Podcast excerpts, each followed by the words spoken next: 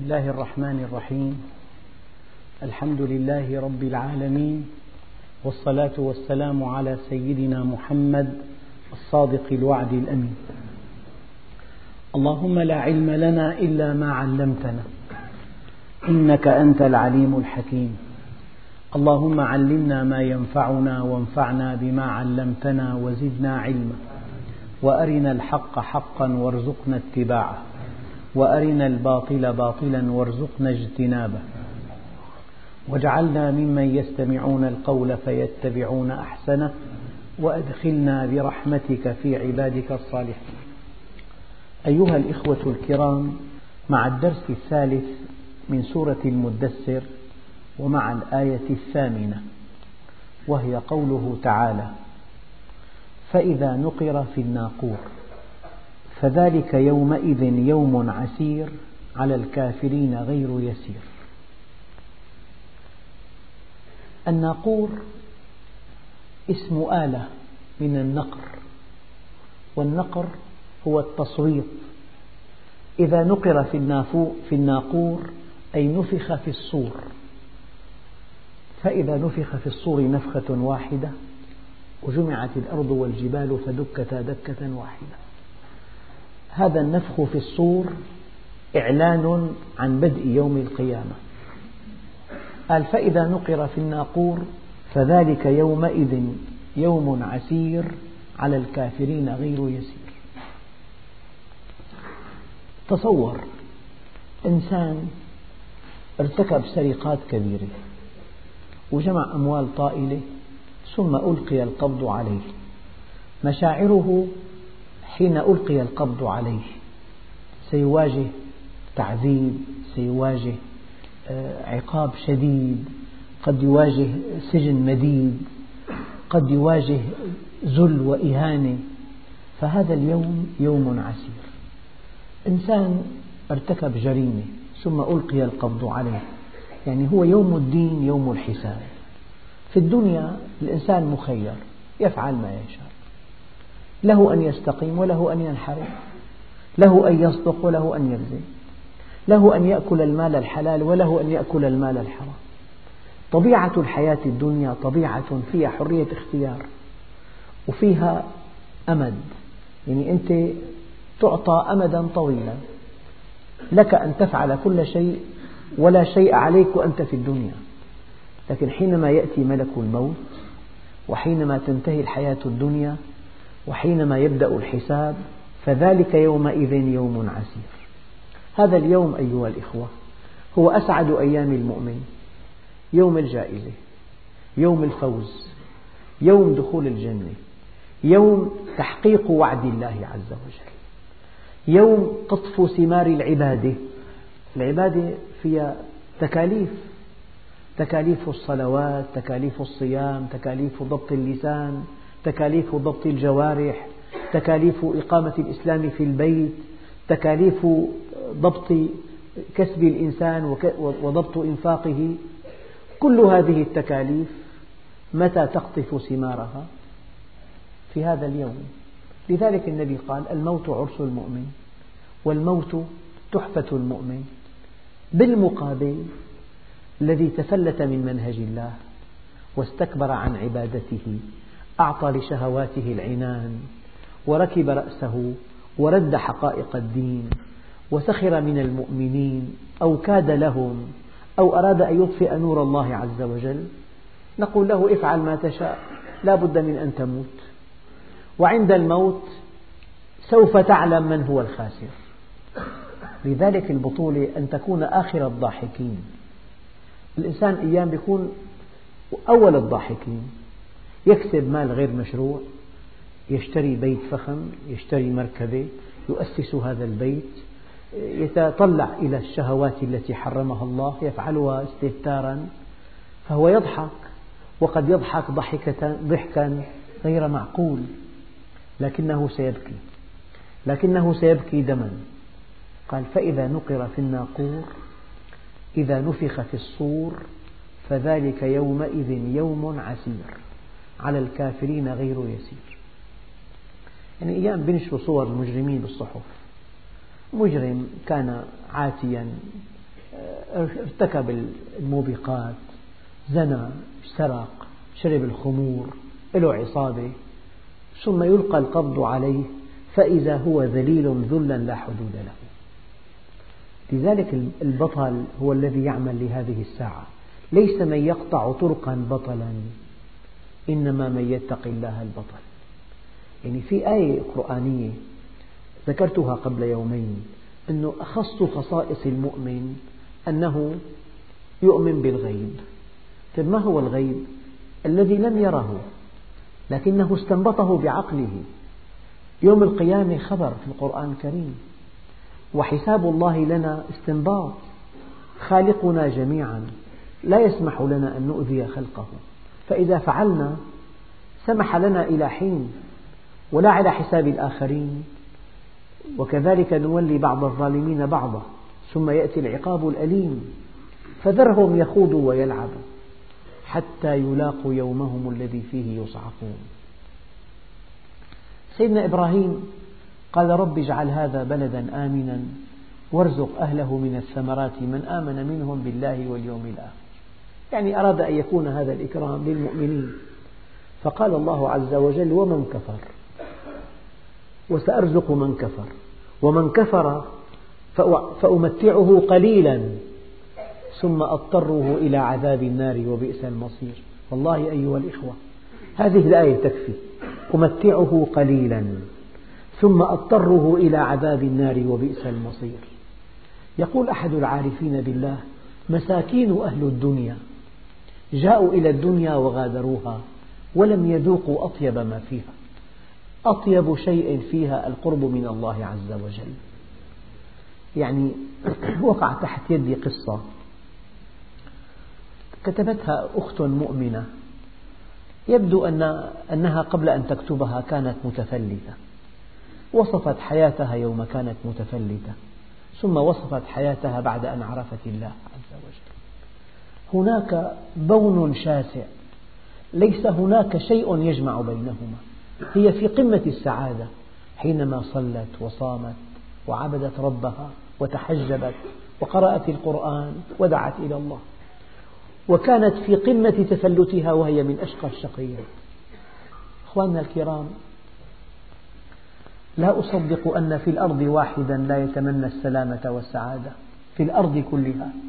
لا أصدق أن في الأرض واحدا لا يتمنى السلامة والسعادة والسلامة في طاعة الله والسعادة في القرب منه. كلمتان خفيفتان السعادة السلامة في طاعة الله والسعادة في القرب منه. يعني هو موطن الثقل في هذه الآية فذلك يوم عسير على الكافرين غير يسير.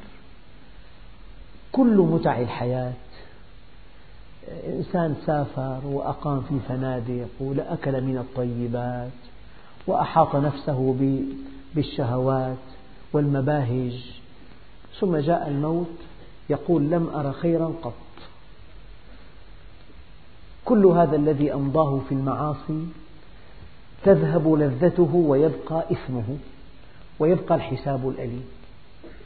ثم إن الذين جاهدوا أنفسهم وأهواءهم في الطاعات وأطاعوا الله عز وجل وجاءهم ملك الموت يذهب عنهم كل هذا التعب وتبقى الثمار اليانعة التي يقطفونها إذا فإذا نقر في الناقور أي إذا نفخ في الصور فذلك يومئذ يوم عسير عسير جدا على الكافرين غير يسير. المعنى المخالف أن هذا اليوم يوم يسير على المؤمنين. يعني قالت له يا أبتي وكربتاه يا أبت وهو على فراش الموت. قال لا كرب على أبيك بعد اليوم. غدا نلقى الأحبة محمدا وصحبه. اقرأوا إن شئتم سير الصحابة. تفاجؤون أنه ما من صحابي على الإطلاق إلا كان في أسعد لحظات حياته يوم فارق الدنيا. ماذا قال النبي عليه الصلاة والسلام؟ وقف خطيبا فقال إن عبدا خيره الله بين زهرة الدنيا وبين ما عنده فاختار ما عنده. فبكى الصديق بكاء لا حدود له. عرف أن النبي ينعي نفسه. اختار ما عند الله عز وجل. يعني هذه الدنيا تغر وتضر وتمر. هذه الدنيا فانية. هي دار من لا دار له ولها يسعى من لا عقل له. كيف؟ يعني ممكن إنسان يبني مستقبله لبنة لبنة لبنة لبنة بدأ حياته عصامي؟ نال شهادة عليا. اشترى بيت صغير وسع البيت فرشه. اشترى بيت بمكان آخر. زوج أولاده نمى ثروته وصل إلى قمة نجاحه. يأتي ملك الموت فيأخذ منه. ما حصله في كل عمره في ثانية واحدة. أما المؤمن قدم ماله أمامه وله عند الله زاد كبير يسره اللحاق بماله وبزاده الإنسان قال حيث أهله وحيث رحله معلق بماله. لو كان ماله في بلد آخر دائما مع أخبار هذا البلد يذهب من حين لآخر لتفقد ماله. فإذا الإنسان قدم ماله أمامه وقدم عمل صالح كثير أسعد شيء في حياته اللحاق به. يعني هو الملخص بين أن يكون الموت أكبر مصيبة وبين أن يكون الموت أكبر سعادة. للمؤمن أكبر, أكبر سعادة لأنه يوم الجائزة يوم الفوز يوم دخول الجنة يوم القرب من الله. يوم نمط للحياة جديد مسؤوليات ما في تكاليف ما في حساب ما في اطلب تعطى لهم ما يشاءون فيها. اقرأوا هاؤم اقرأوا كتابي إني ظننت أني ملاق حسابي فهو في عيشة راضية في جنة عالية قطوفها دانية كلوا واشربوا هنيئا بما أسلفتم في الأيام الخالية. أما الآخرون فهم في عذاب أليم. هذه الآية الأولى. فإذا نقر في الناقور فذلك يومئذ يوم عسير. هذا كلام الخبير. يقول لك هو يوم عسير. إنسان أيام بيتهدد إنسان. شو بيساوي معي؟ بيوزن قوته بيوزن اتصالاته بيوزن آه، مكانته. يا ترى بيقدر يمنعني من السفر؟ بيقدر يكف يدي عن هالعمل؟ بيقدر يخلصني هالشركة مثلا؟ إذا واحد توعدك من بني البشر بتحسب له ألف حساب وما بتنام الليل وبتشوف حجمه واتصالاته وعلاقاته ويا ترى هو قادر أن ينفذ هذا الوعيد أم أنه يبالغ؟ فإذا, فإذا قال الله خالق البشر فيومئذ يوم عسير. يوم عسير. أنا ما رأيت أعقل من الذي يخاف من الله. والله يا أيها الإخوة. والله ليس في الأرض أعقل ممن يخشى الله ويحسب حساب المساءلة في كل دقيقة. عود نفسك أيها الأخ الكريم قبل أن تقول كلمة زنها هل ترضي الله؟ قبل أن تبتسم لعلها ابتسامة سخرية.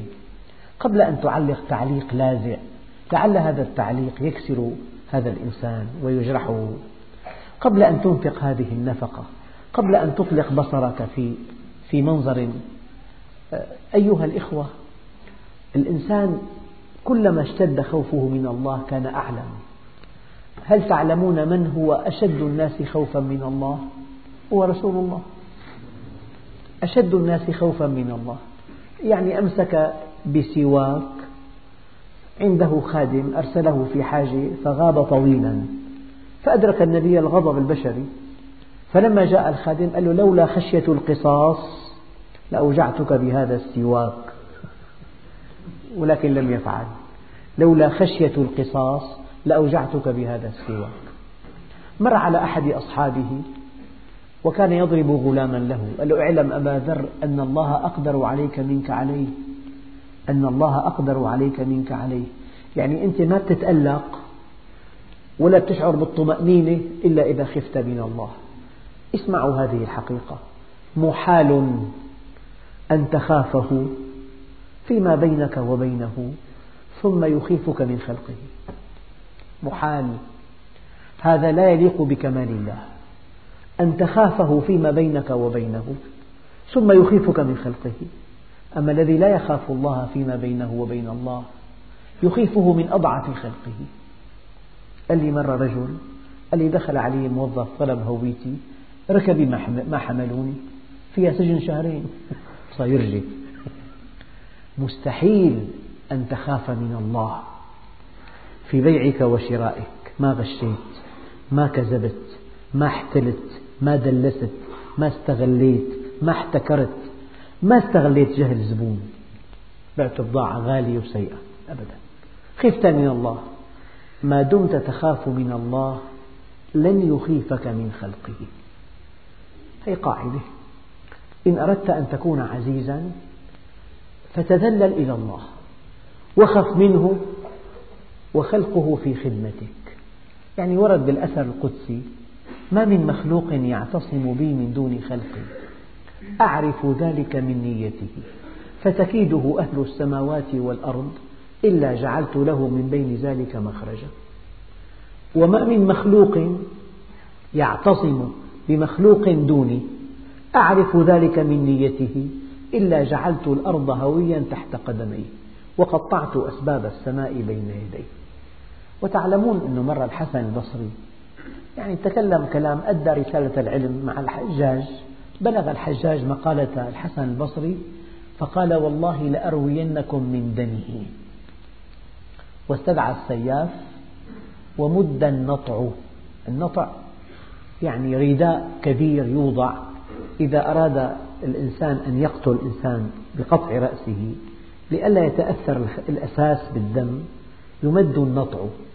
فجيء بالسياف ومد النطع وقال ائتوني به لأقتله أمامكم. دخل الحسن البصري لقى السياف واقف والنطع ممدود والجو مكهرب. فتمتم بكلمات لم يسمعه أحد. فإذا بالحجاج يقف له ويقول له أهلا بأبي سعيد أنت سيد العلماء. وما زال يقربه حتى يجلسه إلى جانبه ويستفتيه ويعطره ويضيفه ثم يشيعه إلى باب القصر. السياف والحاجب صعقا. استدعي السياف ليقطع رأس الحسن البصري. والحاجب هو الذي يعلم هذا. فإذا بالحجاج يحترمه ويكرمه.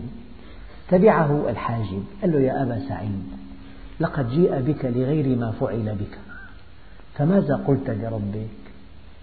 قال له قلت يا مؤنسي في وحشتي يا ملاذي عند كربتي.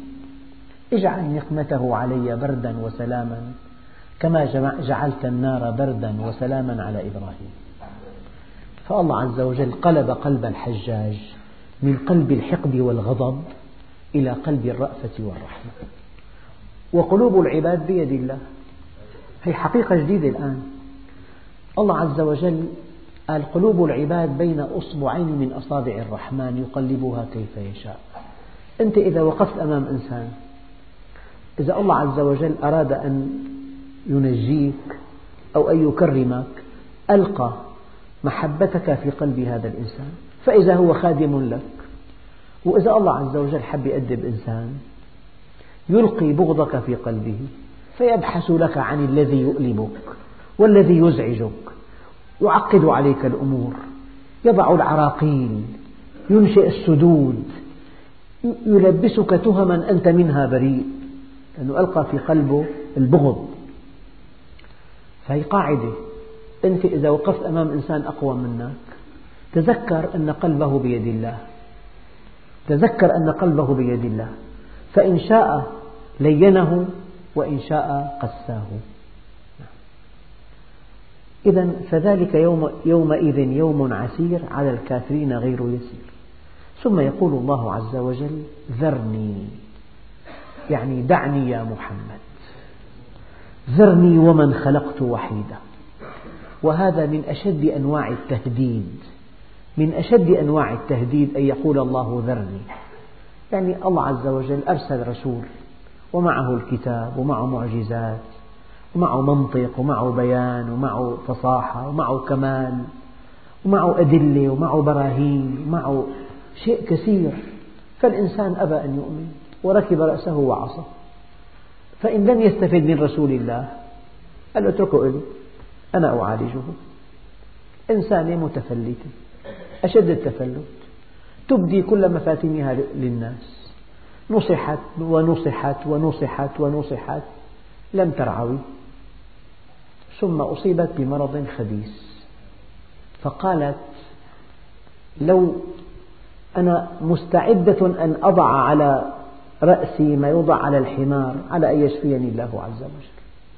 الله أدبها الله أدويته مرة وأدويته مصيبة يعني تصيب المكان الحرج. والله عز وجل يعرف تماما ما الذي يحجمك. يعرف كل خصائصك. في إنسان المال ما له قيمة عنده. هذا يرسل له شيء متعلق بصحته أحيانا متعلق بكرامته متعلق بمكانته متعلق بعمله متعلق بأهل بيته بأعز الناس إليه. نعم. فذرني. إذا الملخص نحن حينما ندعى إلى الله في مرحلة رائعة مرحلة البيان الدعوة البيانية. قضية سهلة. خطيب يلقي خطبة مدرس يلقي درس شريط تسمعه كتاب تقرأه نصيحة تنصح بها أنت معافى سليم كامل مكمل. لكن الله عز وجل بلغك الدعوة. ينبغي أن تستجيب. فإن لم تستجب أدخلك في معالجة ثانية التأديب التربوي. قال له ذرني. فإن لم تستفد أدخلك في معالجة ثالثة الإكرام الاستدراجي. فإن لم تشكر أدخلك في مرحلة القصم الرابعة. عندئذ يقصم الإنسان وينتهي. فنحن إذا كنا في مرحلة الدعوة البيانية نحن في خير. نحن في بحبوحة. يا أيها الذين آمنوا استجيبوا لله وللرسول إذا دعاكم لما يحييكم العلماء فسروا شو معنى غير يسير. فذلك يومئذ يوم عسير على الكافرين غير يسير. قال عقدهم تنحل إلى عقد أشد. كلمة عسير العقدة تنحل إلى عقدة أشد. يعني لا تملك مفتاح هذا الباب. في عدة مفاتيح يمكن أن أحدها أن تستعمله في فتح الباب. هي مشكلة. فأدخلت مفتاح وحركته انكسر داخله. فمشكلة أصعب أصعب هلا. كنت عم تبحث عن مفتاح مناسب هلا صار بده فك الغاز. أخذت جبت إنسان لحتى يصلح البيت مسروق كلياته. ممكن ينتقل الإنسان من مشكلة لأكبر لأكبر لأكبر. هذا معنى عسير. أما يسير من مشكلة إلى حل إلى حل انتهت العملية. لذلك اللهم لا سهل إلا ما جعلته سهلا. إنسان له انحرافات.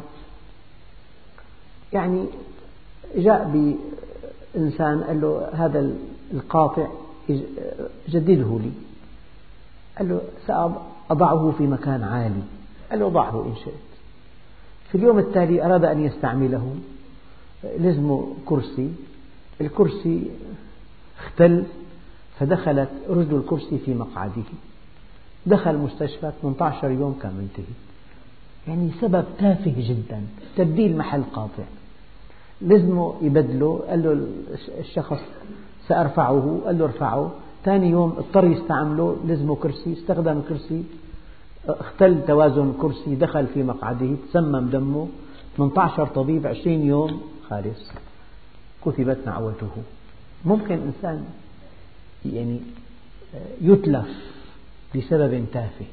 إذا كنت في رضوان الله فأنت غالي على الله. غالي.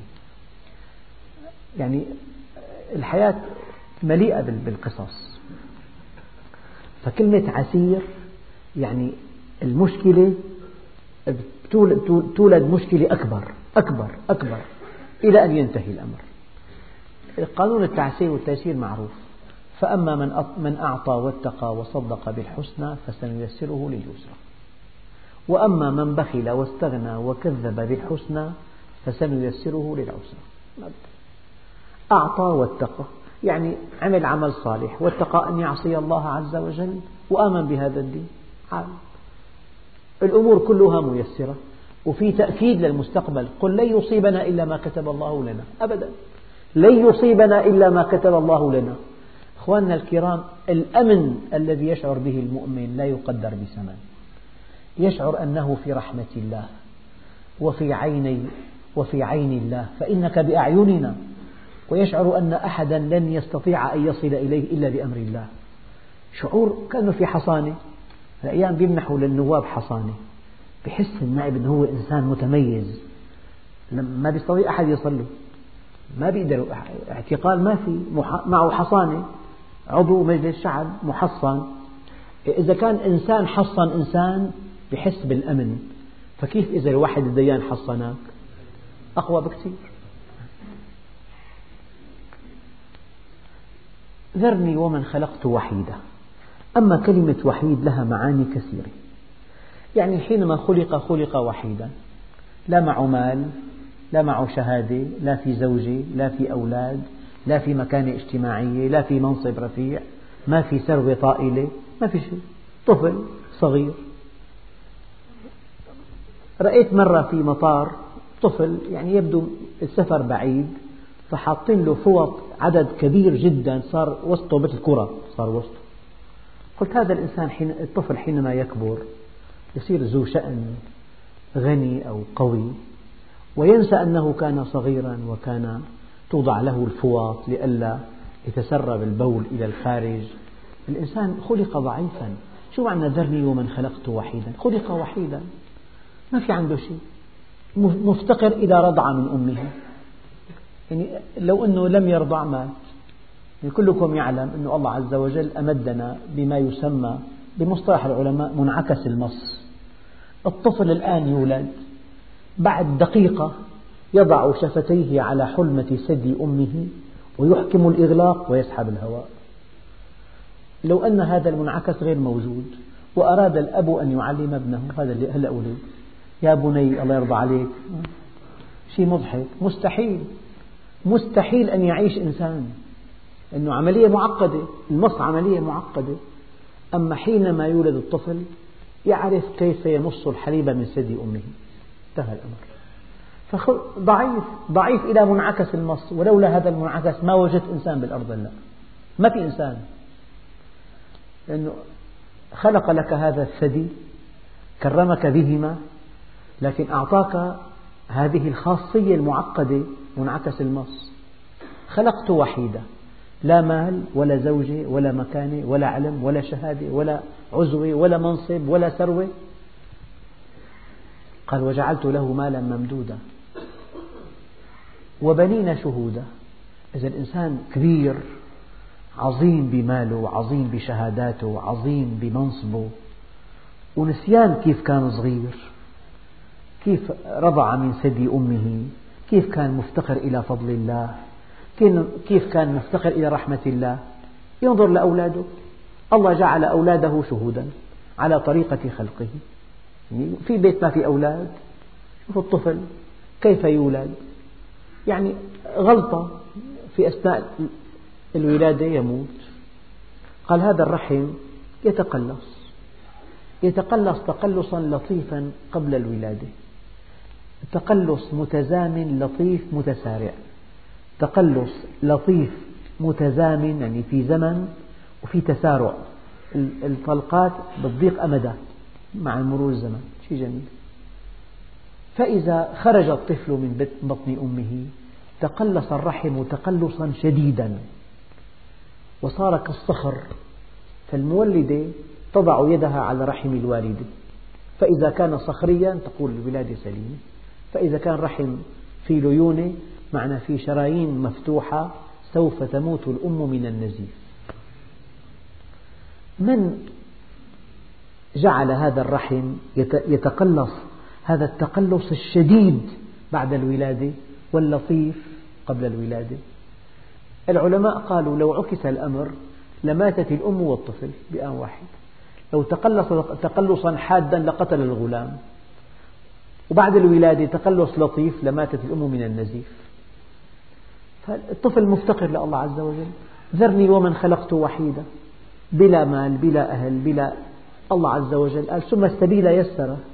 يعني عظم الحوض يتوسع بأمر هرموني توسع ميكانيكي عظام متراكبة لا تسمح للطفل أن يخرج منها. يتوسع عظم الحوض توسع بأمر هرموني مبرمج. الولادة وحدها آية من آيات الله الدالة على عظمة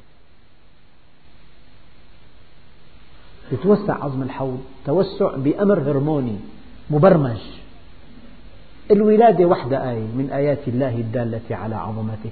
والله ذكر بالقرآن ثم السبيل يسره ثم السبيل يسره فهذا هو المعنى الأول. وحيدا بلا أهل ولا مال ولا ثروة ولا منصب ولا شهادات ولا مكانة ولا أتباع. نعم.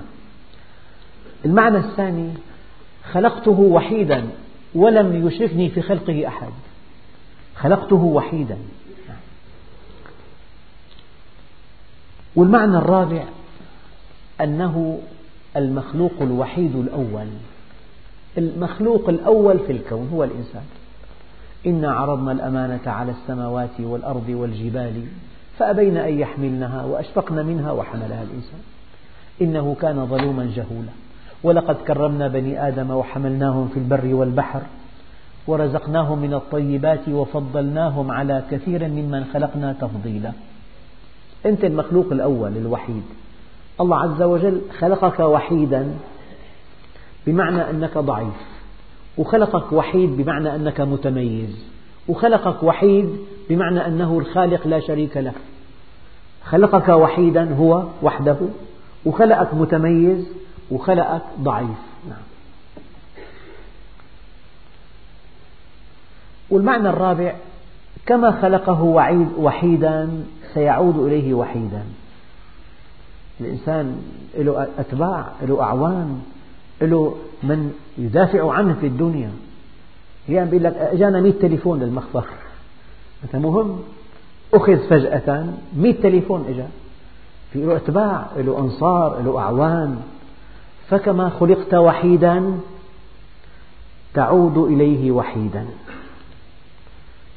ما في دفتر تليفونات خبر فلان ما في. هواتف ما في اتصالات ما في آه، أعوان ما في أموال ما في دفتر شيكات ما في كله واقف بالقبر ما في شيء. خلقت وحيدا وسوف تعود إليه وحيدا. معك عملك فإن كان كريما أكرمك وإن كان لئيما أسلمك. لذلك القبر صندوق العمل. سؤال محرج ودقيق. اسأل نفسك هذا السؤال. أنا ما عملي؟ في عمل طيب في عمل نظيف في عمل خير في عمل عظيم وفي عمل قذر في عمل إجرامي في عمل خسيس في عمل دنيء في عمل ظالم. اسأل نفسك ما عملي. وإن أردت أن تعرف مقامك فانظر فيما استعملك. استعملك بالخير أما بالشر. مفاتيح الخير بيدي ومفاتيح الشر بيدي. فطوبى لمن قدرت على يديه الخير والويل لمن قدرت على يده الشر. أيام الإنسان مثل شريط حريري تفتح به المستشفيات والأبنية النافعة للأمة. وأيام ملقط يلتقط به الشيء النجس والقذر فإذا أردت أن تعرف مقامك فانظر فيما استعملك. هذا سؤال مهم. كل إنسان له عمل. إذا كان عمل خير أولا عمل نظيف جيد. عمل خير أجود. عمل بناء أعظم. عمل كبير أعظم وأعظم. أما يكون عمله مبني على أنقاض الآخرين أن يبني غناه على فقرهم أن يبني سعادته على شقائهم أن يبني أمنه على خوفهم أن يبني مجده على تلفهم؟ هذا شيء مخيف.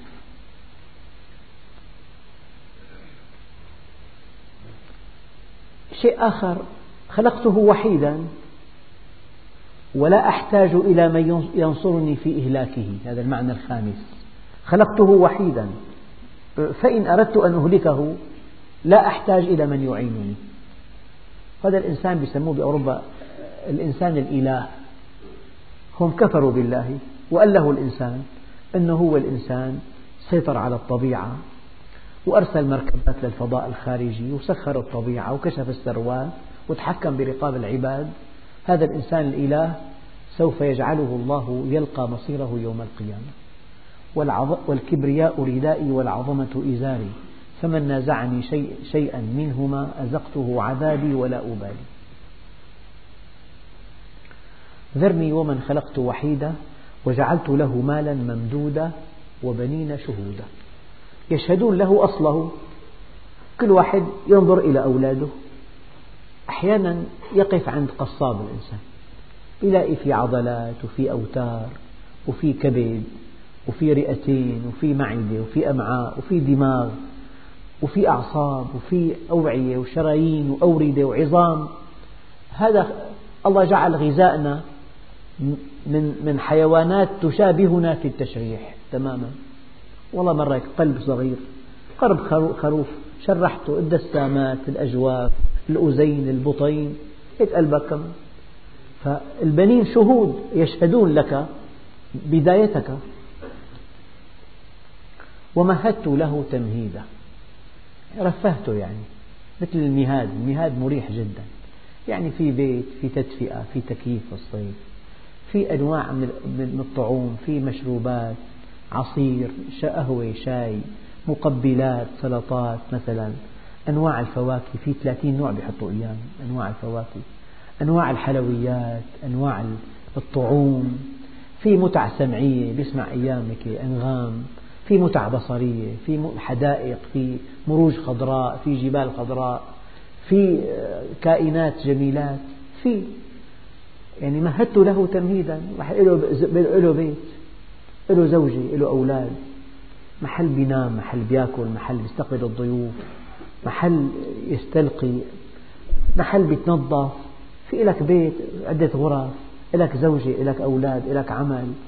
في أنواع من الطعام طيبة تأكلها. مهدت له تمهيدا. قال ثم يطمع أن أزيد. ثم يطمع أن أزيد. كلا. يعني رغم انحرافه وفسقه وفجوره يريد مزيد من فضل الله. بل إنه يدعي إذا مات فله الجنة. هذا ادعاء. كان الوليد بن المغيرة يقول هكذا. لو أن هناك جنة لكانت لي وهو من أكثر الكفار. ثم يطمع أن أزيد كلا. سأرهقه صعودا وهذا في الدرس القادم نتابعه إن شاء الله تعالى. والحمد لله رب العالمين.